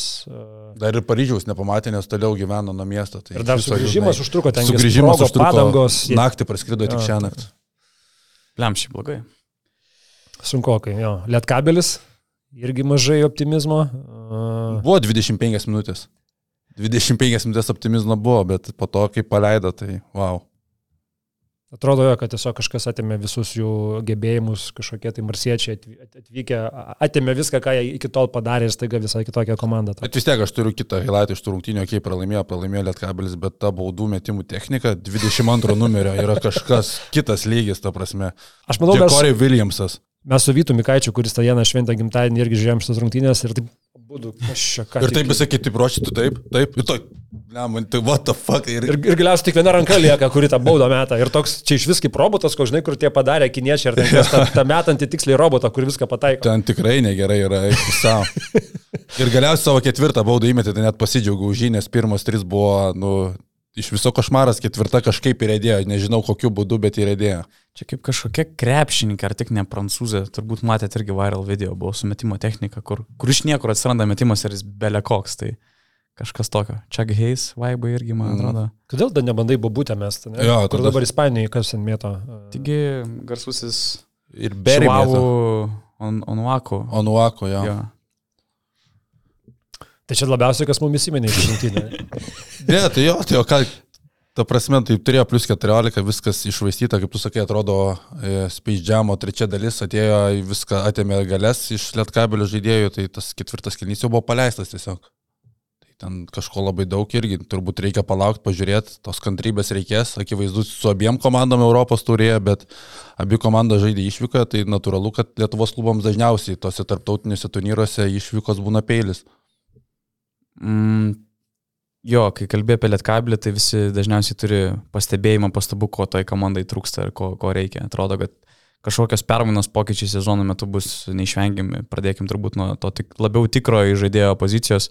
Ir manau, tai padėtų skleisti ir kitiem labiau žaidėjim, tam pačiam Poliui Valinskui būtų žymiai komfortabiliau būti e, aikštėje. Tas pats Davidas ir Vidis, manau, visai kitaip jaustųsi. Man nepatinka, kaip jisai dabar Kaip ką jisai turi daryti? Jisai daro tuos dalykus, kuriuos nėra įpratęs, tai metimo procentai, aišku, kad automatiškai krenta, nes neišsimeti tų iš gerų padėčių, jeigu po to tau yra sukuriama ta padėtis, tu jau būni prieš tai kažkur, kažkur blogai kažką padaręs, tau viskas įeina į galvą, tas procentas tragiškas sezono startė, bet sakau, trūksta tokio tikro žaidėjo, kuris sustatytų į tas pozicijas ir gautų tie metikai savo gerus metimus išsimesti. Kartais tiek daug priklauso kiekvienam žaidėjui nuo to, kas aplinkui yra tavęs, arba kartais tai tas vienas žmogus būna šiaip treneris, arba būtent žaidėjas, kuris sustato visus savo pozicijas, tau nereikia nertis iš kailio ir atlikti tų dalykų, kurie yra labai sunkus ir kurie nėra tau. Ir tas pats servidis, žinai, kai, kai žiūri jo skaičius, kol kas labai prastai atrodo jo visi skaičiai 6,7 taško LKL, 3 taškių pataikymo procentas čia dabar su Podgorise buvo 1,9,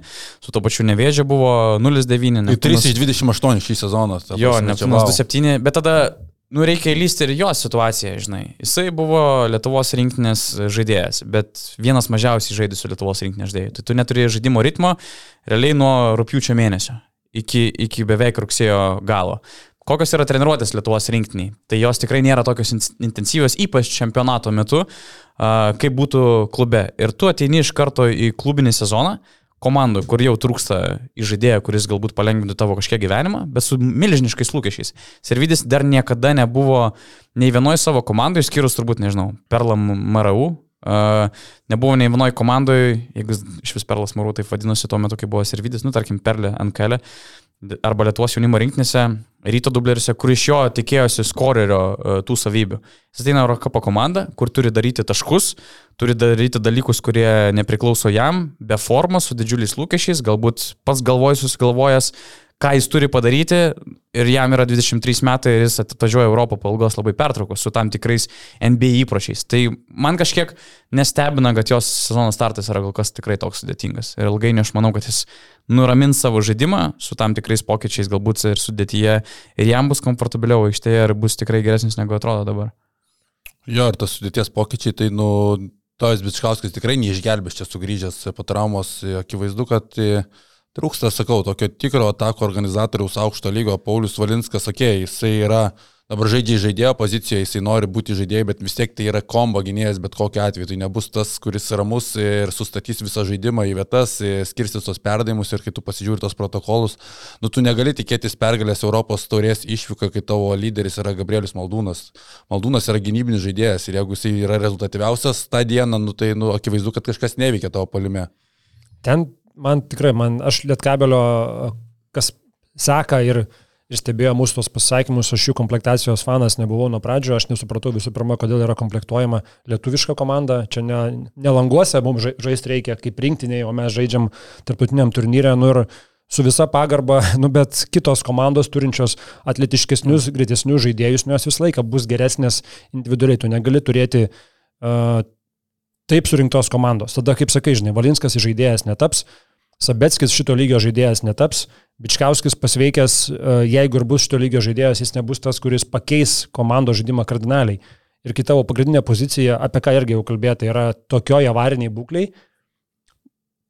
Nežinau, purliui turėtų galvas skaudėti labai stipriai ir e, naktim turėtų tikrai, aš nežinau, ar ten skrolint per, vat, kaip sakai, Filipinų lygas ieškodžinai variantų, ar kalbėti su agentais, nes, nu, kuo turbūt tu ilgiau šitą klausimą paliksi kabantį, tuo ir blogiau ir treneris tavo atrodys, nes komanda blogai žaidžia, neperformina, kas kaltas treneris.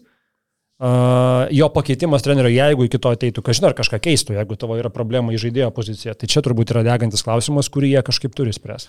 Šitoje vietoje kažkiek ir Štelmacheris suprantu, realiai tu esi naujas e, treneris, e, gauni didžiulį spaudimą, aplinkui visi ir kalba, kvesionuoja tavo lygį, bet tu realiai vasarą prašiai vadovo, kad e, į žaidėjo poziciją aš noriu Arturo Žagaro, tu jo negauni, gauni lietuvius. Jisai prašė Žagaro?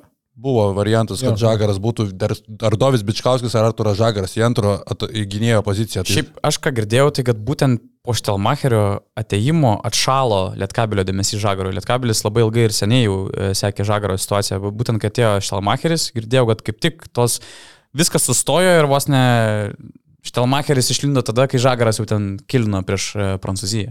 Mm. Tai, tai gali būti, kad, žinai, Štelmacheris turėjo savo įsivaizdavimą dėl Žagaro, savo matymą, savo galbūt kažkokias e, nuogardas apie Žagaro charakterį ir jis nelipo ir galbūt ieškojo kokio kito žmogaus. Bent jau aš, aš tiek girdėjau, nežinau. Aš tai girdėjau kaip tik, kad dar iki pasaulio čempionato dar daug likus iki to, kai jisai tapo matomas, Žagaras tapo matomas mm. visam pasauliui dar iki tol, kad e, būtent Štelmacheris norėjo atsivesti kartu ir okay. Žagarą ir tiesiog jam buvo pasakyta, kad arba, arba tu ateini, arba, arba šiaip ar taip Žagaro nebus, jeigu tu ateini. Mm -hmm.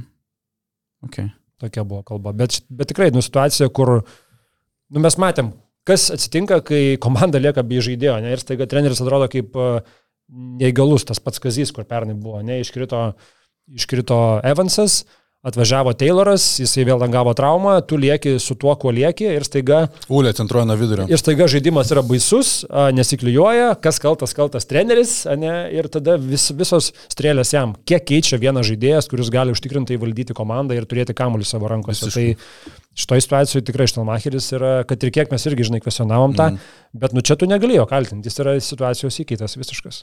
Ja. Kantrybės, kantrybės panevežiai. Kitą savaitę atidaro sezoną namuose. Atvažiuoja Aris, kuris Europoje nežinau kiek metų nebuvo, ten ir sako, ir fanų bus keli šimtai iš Graikijos gal atvažiuos, tai, okay. tai išsilgė Graikai to. Tai... Aš irgi pasilgęs tos tokios Salonikų Aris Eurolygos Eurocap aplinkoje. Jeremy Macy. Jeremy Macy, dar ten turėjo gynėją, dabar nebetsimenu, kuris, kuris labai įsiminė šiaip tą jų atmosferą, tas konfeti lietus išmetamas. Mm. Ikoninė, ikoninė komanda tikrai. Jo ką, keliaujam kitur.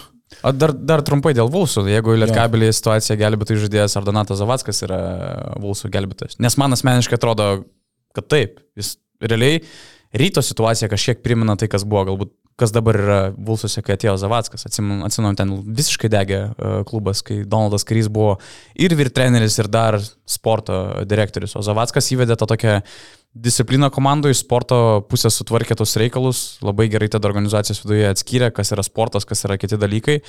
Ir nu, mes matom, kaip, kaip tas pasirytas užaugo. Tai man atrodo, gal net Vulsai ieško kažko panašaus. Ir tame e, tai mato Zavacko sugebėjimas. Aš sakau, ryte buvo anksčiau ta pati problema, kokia yra dabar pas Wolfs. Niekas realiai tikrai iki galo nežino, kas yra už ką atsakingi. ryte taip pat irgi buvo stumdymas nuo vieno prie kito, atėjo Zavackas, tada viskas išsigrino, viskas komanda pradėjo dirbti kryptingai ir tas rezultatas labai aiškiai pasimatė per, per porą sezonų. Tai, nu, man atrodo, Vulfs pirmiausia reikia irgi išsigrinti, kas už ką atsakingas ir kad nu, nebūtų kažkokių pašalinių kalbų, kai jeigu tu dirbi savo darbą, tai kitas ja. turi dirbti savo darbą. Kas, kas kažkiek yra normalu, tai yra jauna organizacija. Tas pasirytas, atsiminkim, tai buvo tik tais keli pirmieji, man atrodo, jau Dario, Dariaus Gudelio savininkavimo ryte metai, kur, man atrodo, irgi žmogus bando įsivaizduoti, kaip turėtų veikti krepšinio komanda, bando išskrinti dalykus.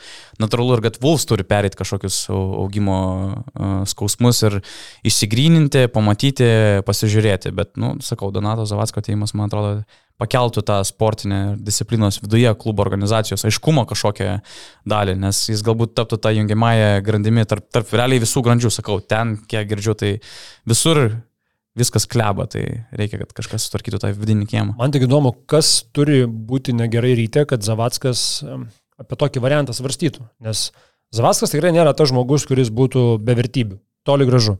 Zavaskas nėra tas žmogus, kuriam rytas nerūpėtų. Irgi toli gražu, mes žinom visą jo gražią istoriją su rytu.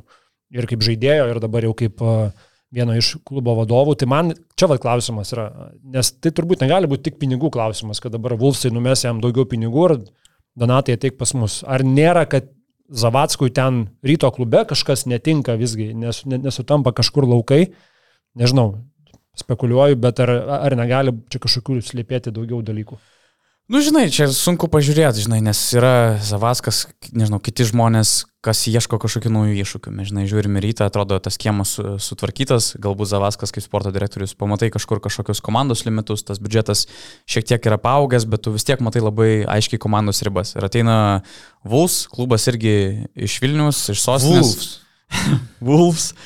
E, kuris galbūt pasiūlo ir žymiai didesnį atlyginimą, kiek, kiek vis tiek teko girdėti tose pozicijose, kaip apmokamos pozicijos Vulsose ir kitose komandose, nu, skirtumas yra milžiniškas ir tie, tie keli tūkstančiai per mėnesį gali daryti irgi didžiulę įtaką ir to labiau tai nėra tik tais apie kelis tūkstančius skirtumą per mėnesį tavo profesiniai pozicijai, tai yra ir apie tai, kiek gali aukti komanda. Tai, žinai, gali galvoti tai, kad kažkas yra blogai ryte, bet galbūt gali galvoti ir tai, kad Zavatskas galbūt ieško irgi kažko, kažko naujo, kažko kito, ir dabar yra galbūt tas dėlį situacija. Jam su užgesinta gaisra, koks buvo užgesintas jau ryte. Šiaip čia būtų smūgis rytui, man atrodo, didžiulis smūgis. Lietuvoje yra trūkumas gerų krepšinio vadybininkų, tokio, tokio lygio galinčių dirbti E, aukšto lygio klubuose, tai čia tikrai būtų smūgis randant, kuo jį pakeisti.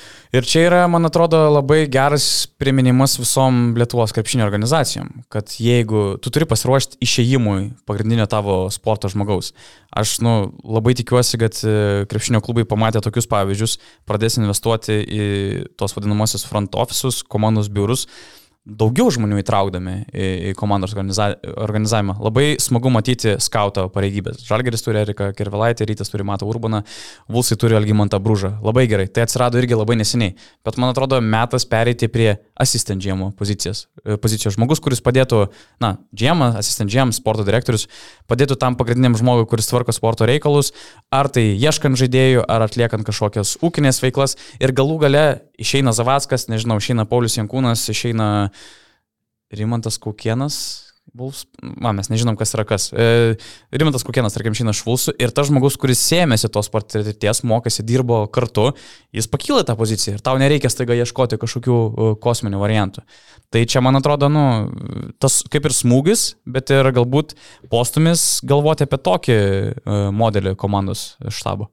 Tai vad būtent, kad netampėtų iš karto to džiemų, tu turi kelis metus padirbti, tas pats Zavackas, pradėjo nuo Neptūno, ten Neptūno irgi ne viskas labai gerai sekėsi, jis užaugo pats Zavackas tokią poziciją, tai reikia to laiko, tai tu turi būti visą laiką pasiruošęs, nes po to, kai okay, tai pasitinka, tu ieškai kažkokių variantų, Žalgris irgi aukščiausio lygio organizacija, Lamy pasikvietė matymą, kuo viskas baigėsi, labai greitai pasibaigė. Jo. Ir Lietuvo nėra mokyklos, nu, jokiam universitete neišmokysi, kaip, kaip gesinti gaisrus ryte, bulsise, kitose komandose. Ir kaip tu sakai, Zavaskas galbūt klydo, bet nu nėra kito kelio. Tu per savo klaidas mokaisi tapti būti komandos sporto direktorium, kur lūkesčiai yra ne, nu, neapsakomi. Vulfs rytas yra karščiausias žalgeris, karščiausias e, vietos Lietuvos krepšinį. Ir jeigu tu neturi aplinkinių žmonių, kurie būtų tam ruošiami, nu tai o ko galima tikėtis, kokio dar pakaitalo galima tikėtis? Mm. Šiaip įdomu, dabar Vilniuje uh, gyvena, į Vilnius grįžo gyventi žmogus, kuris turi didžiulės mm. patirties e, aukščiausio lygio organizacijoje ir joje tebe dirba. Kalbu apie Martiną Pocių. Įdomu, ar jisai, ar jį patį domintų ateityje darbas Lietuvos organizacijoje kažkurioj. Čia turbūt gali kalbėti ir apie federaciją, ir apie kažkurį klubą.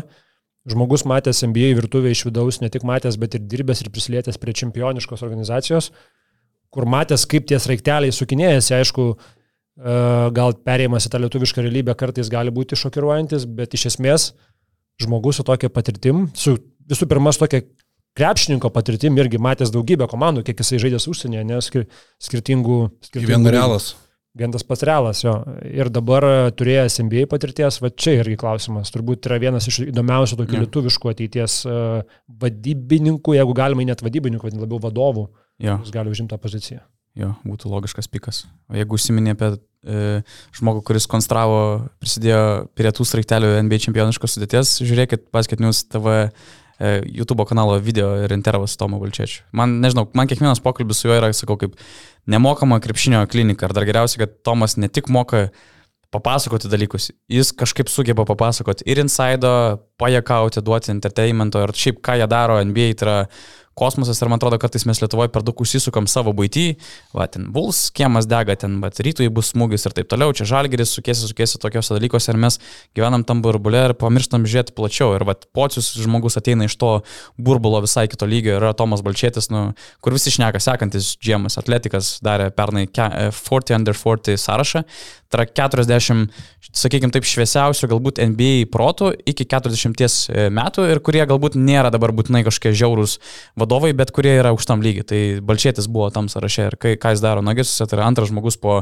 žmogaus priimančio galtinius sprendimus ir kiek girdžiu, ten jie, nu, Tomo ranka yra labai didžiulė, tai Tai yra wow, tai yra didžiulis pasiekimas Lietuvos krepšiniui, didžiuliai galimi tiltai statomi, tai sakau, turit galimybę Basket News YouTube kanale pasisemti kažkiek tos e, krepšinio išmanimo per, per pusantros valandos. Jo, nes su Tomu kas dalykas yra irgi uh, jisai iš savęs kažko nestato, jisai labai paprasta žmonių kalba paaiškina dalykus ir tu supranti, kad, nu, tai yra, žinai, gali kažkas sudaryti, bet irgi vaizdą kažkokį, kad jeigu tu jau esi kažkur aukštai, tu esi be galo svarbus, žinai, čia neprieinamas ir toliau.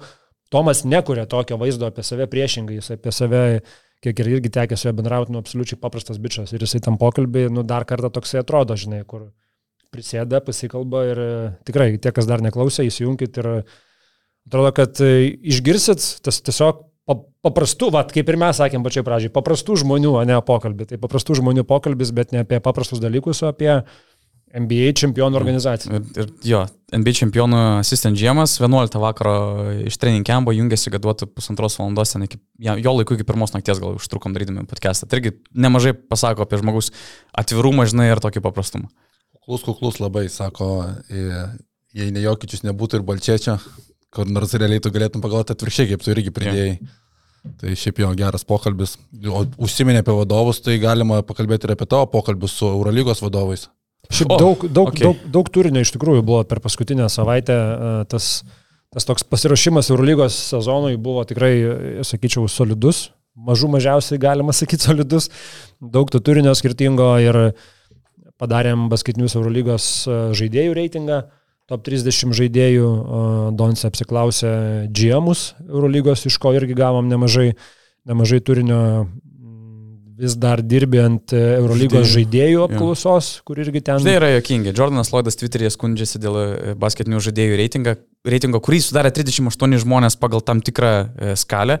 Jisai skundžiasi, kas per reitingai, kaip jie sudėrinėjami, bet kai reikia užpildyti Eurolygos žaidėjų reitingą, tai turiu mažiau rezultatų negu turėjau iš Eurolygos žiemų. Tai šiek tiek jokinga, kur jie skundžiasi, kaip kiti mato krepšinį, bet kad patys pateiktų savo nuomonę, požiūrį ir taip toliau, tai savo labai įtemptoj dar e, dienotvarkiai neranda to laiko. Kur Lloydas šiaip yra, nu, tau pakankamai savas bičias, ne, ir dalyvavęs. Aš aišku nežinau, gal jis ir užpildė, aš, aš man atrodo, jam siunčiau, žinai, aš nematau, kas Na, dabar, užpildė. Dabar žiūrėk žmogų be reikalo čia apkalbėjai. Na, Svarbu, niekas neišverstų, neįdėtų titrų ir nesugadintų. Bet šiaip, bet šiaip, jo, žinai, nu, tie pabambėjimai, nu, jie yra klasika. Jie, žinai, metai iš metų, vat, kažkas ir jisai pasako, aš to nedarau, bet dabar padarysiu. Ir ja. dabar, žinai, kas čia taip yra. Ir dar kalba bišis, kuris šį buvo įtrauktas į top 30, žinai. Ir, žinai, tokio Evanso net nėra, net top 30. Ir objektyviai vertinant, e, nu, su Lloydo traumų istorija praeitą sezoną, kiek jis buvo galbūt traumuotas, kad jis dabar pradeda sezoną traumuotas, objektyviai tu gali įvertinti jį ne taip aukštai. Nu, yra daug kriterijų, yra daug labai gerų žaidėjų Euro lygoje ir būti top 30 tai jau yra visai neblogas dalykas, net ir tokiam žaidėjui kaip Jordanas Lloydas. Tai tada išlipa Sašo Bradovičius Twitter'yje, ten po pirmos nakties rašo, o tu mano esi numeris vienas tiek žaidėjas, ten tiek už aikštės ribų. Tada galvoju, kaip Maikas Džeimsas galvoja. Aš tada patys pagalvoju, ja. treneri, o jūs pagalvojat, kad jūs komandai dar turit kažkokių ego, kurie gali paskaityti šitą tavo atvytą. Tai tas, a... Jo, tai, nu, bet smagu, smagu, smagu matyti, va, žinai, žaidėjų reitingo tikslas yra mm, inspiruoti kažkokį pokalbį, diskusiją. Nesutinki, labai gerai, klausom tavo argumentų, žinai, pasako, kaip tu matai tos reitingus, kaip jie turi būti sudaryti, kas yra geresnis už ką, žinai. Niekas čia, Basket News 38 apklausti žmonės, nu, ne, neparodys to paveikslo, koks jis yra. Kiekvienas turi labai skirtingą matymą. Kažkas mažiau rungtynė žiūri, kažkas kitas komandas stebi, kitus žaidėjus, kitus dalykus vertina labiau. Nu, čia nepamatuojami dalykai. Reitingai, power rankingai, tai beveik neįmanoma rasti vienos tiesos, vieno, vienos linijos. Plus Europoje e, iš viso apsibriežti, kas yra, kuris žaidėjas geresnis už kitą, kai Europoje visa ta kultūra nėra apie žaidėją, yra pirmiausia kultūra apie trenerį, ne, kaip tokią figūrą, kuri yra tarsi svarbiausia komandai, paskui vat, pati komanda, organizacija, fanbaseai ir žaidėjai tik yra tie, kurie, okei, okay, smagu, fainai, bet jie nėra pagrindiniai žmonės, kaip tokie veidai, kaip yra NBA. Tai ir Europai kalbėti apie kažkokį tai tikslų, tikslų reitingą, kas yra geriausias žaidėjas, nu dabar ne Edita Varesas. Nu mes tikrai galim sutikti, kad Edita Vareso, kad jis yra numeris vienas, jam labai daug lemia jo aplinka, kokio jis yra aplinko. Jis yra organizacijoje, kuri, e, kurio jis yra jau daug metų, kuri turi gerus gynėjus ir jį tinkamai išnaudoja, kur turėjo trenerį, su kuriuo užaugo ir prie dabartinio irgi gerai atrodo. Tiesiog jam labai daug lemia aplinka. Įmesk Edita Varesą į kitą organizaciją, labai daug šansų, kad jisai po metų nebus numeris vienas žaidėjas Europoje, gal net nebus top 15 žaidėjas Europoje atsidūręs naujoje aplinkoje. Tai Aš galvoju ir tas, nu, turi tikrai pagalvoti ir suprasti, kokia yra Europos krepšinio aplinka ir pagal ką tu vertini žaidėjus.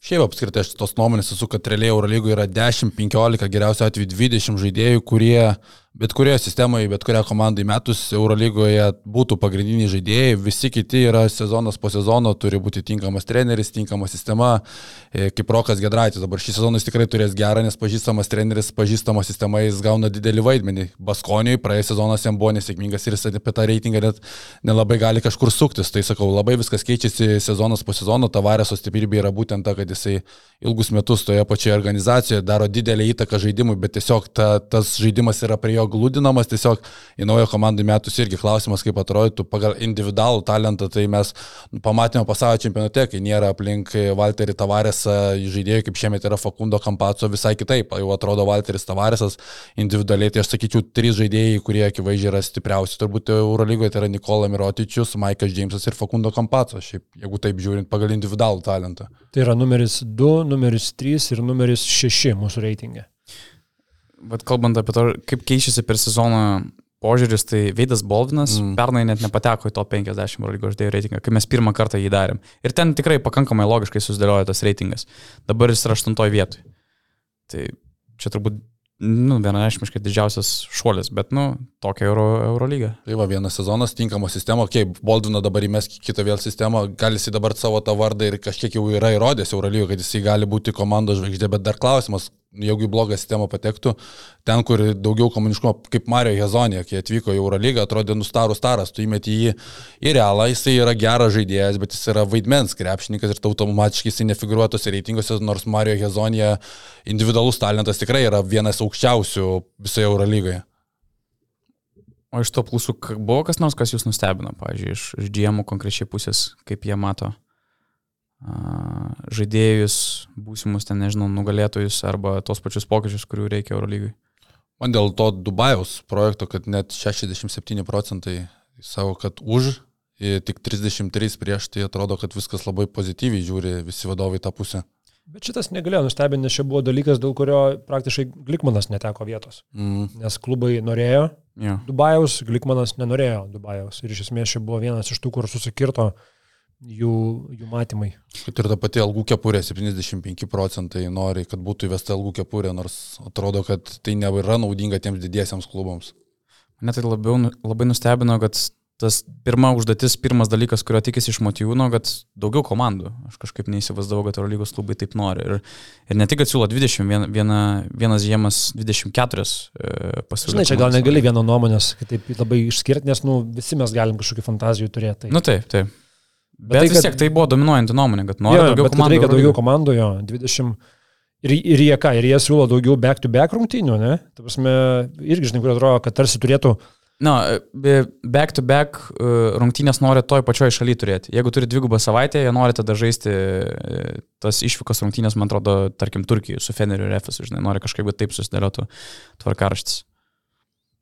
Kas taip. dar, tai iš tų sėkmių, tai Džabari, Džabari Parkeris, kad bus prie sėkmingiausių naujokų iš atvykusių iš MBA, tai kažkiek nustebino 23 procentai, tai tiek pat Vili Hernangomėsas su Dauzeru. Dau Tai tas kažkiek nustebino, kad iš Džabario Parkerio tikisi vadovai, kad jisai gerai čia atrodys. Jo, basketinis yra labiausiai turbūt netikinti organizacija Džabario Parkerį, ypač e, Rytis Višniauskas ar Augustas Šuliauskas, mano kolegos Urbonose. Ne, ne, aš, aš, aš irgi labai netikiu. Vakar, vakaris tos savo taškus susimetė, bet iš esmės tuos taškus susimetė, uh, kai jį nuostabiai rasdavo komandos draugai. Nuostabiai, tarsi ten kai kurie perdavimai verti kažkokio top dešimtuko ir jo tik tai užsibaigimas. Tai jisai atsidurdavo tinkamu laiku, tinkamu vietoj, bet iš esmės, kad pats kažką daug kurtų, nežinau, ten turbūt aišku irgi reikia laiko, reikia, bet kita vertus vėl mes labai stipriai nurašinėjom Barsą, vakar jie užtikrinti susitvarkė su Efesu.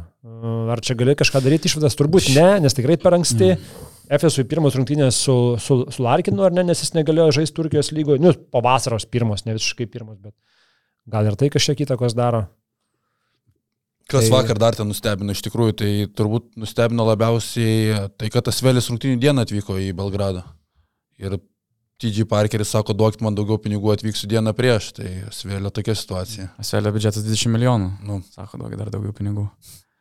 Šiaip ne pirmą kartą, sako, praeitą sezoną irgi į Belgradą, man atrodo, irgi vyko rungtinių dieną. Ir tada vienas iš žaidėjų, girdėjau, kad pamiršo pasą, man atrodo, į oro uostą, kadangi... Johną Medžius. A, jo, tai va taip ir buvo. O kadangi Belgradas ne Šengino zonoje, ten, man mhm. atrodo, jau reikėjo paso, ne kažkokio ID ir, ir netvyko rungtynės.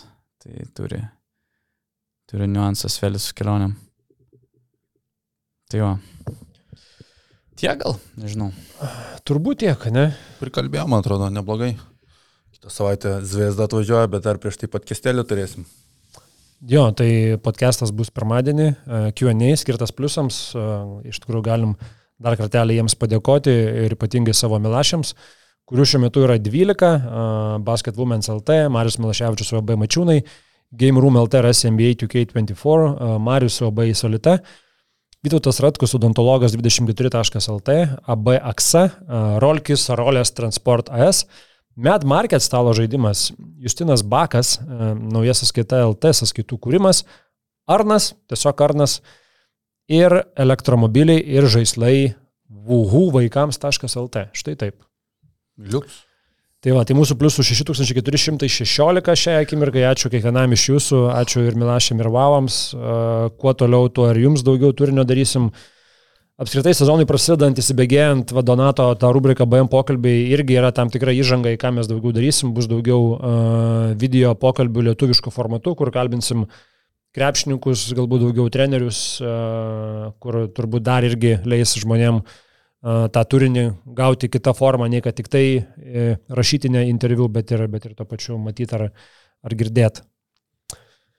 Ir turbūt, aš nežinau, vakar, vakar tokios buvo mažos kalėdos, bet aš kažkaip žiūriu dabar į Eurolygos sezoną kaip į kažkokį maratoną, kur labai stipriai pirmą dieną nereikia įsibėgėti ir išsikošti, nes tavęs laukia ilgas reikalas, bet iš esmės prasidėjo tai, dėl ko mes čia dirbam. Turbūt Eurolygos sezonas yra tai, apie ką mes, apie ką mes gyvenam. Tu žiūri kaip maratoną, aš tai žiūriu kaip į cirką dabar, po Jūrės Dovco, tai man Eurolyga cirkas, sukasi viskas ratu. Ir dar komandų įdėkim, dar daugiau žaiskim, dar labiau cirkas. Linkėjimai Jūrės Dovcai. Linkėjimai Jūrės, taip. Tai va, tai ką, gero savaitgalio visiems. Iki. Iki. Visą ačiū. Ačiū, kad žiūrėjai šį podcastą. Paspausk like, tai bus pamatys dar daugiau žmonių, arba prenumeruok kanalą ir gausi informaciją iš karto. Nuo dar daugiau turinio BN ⁇. E.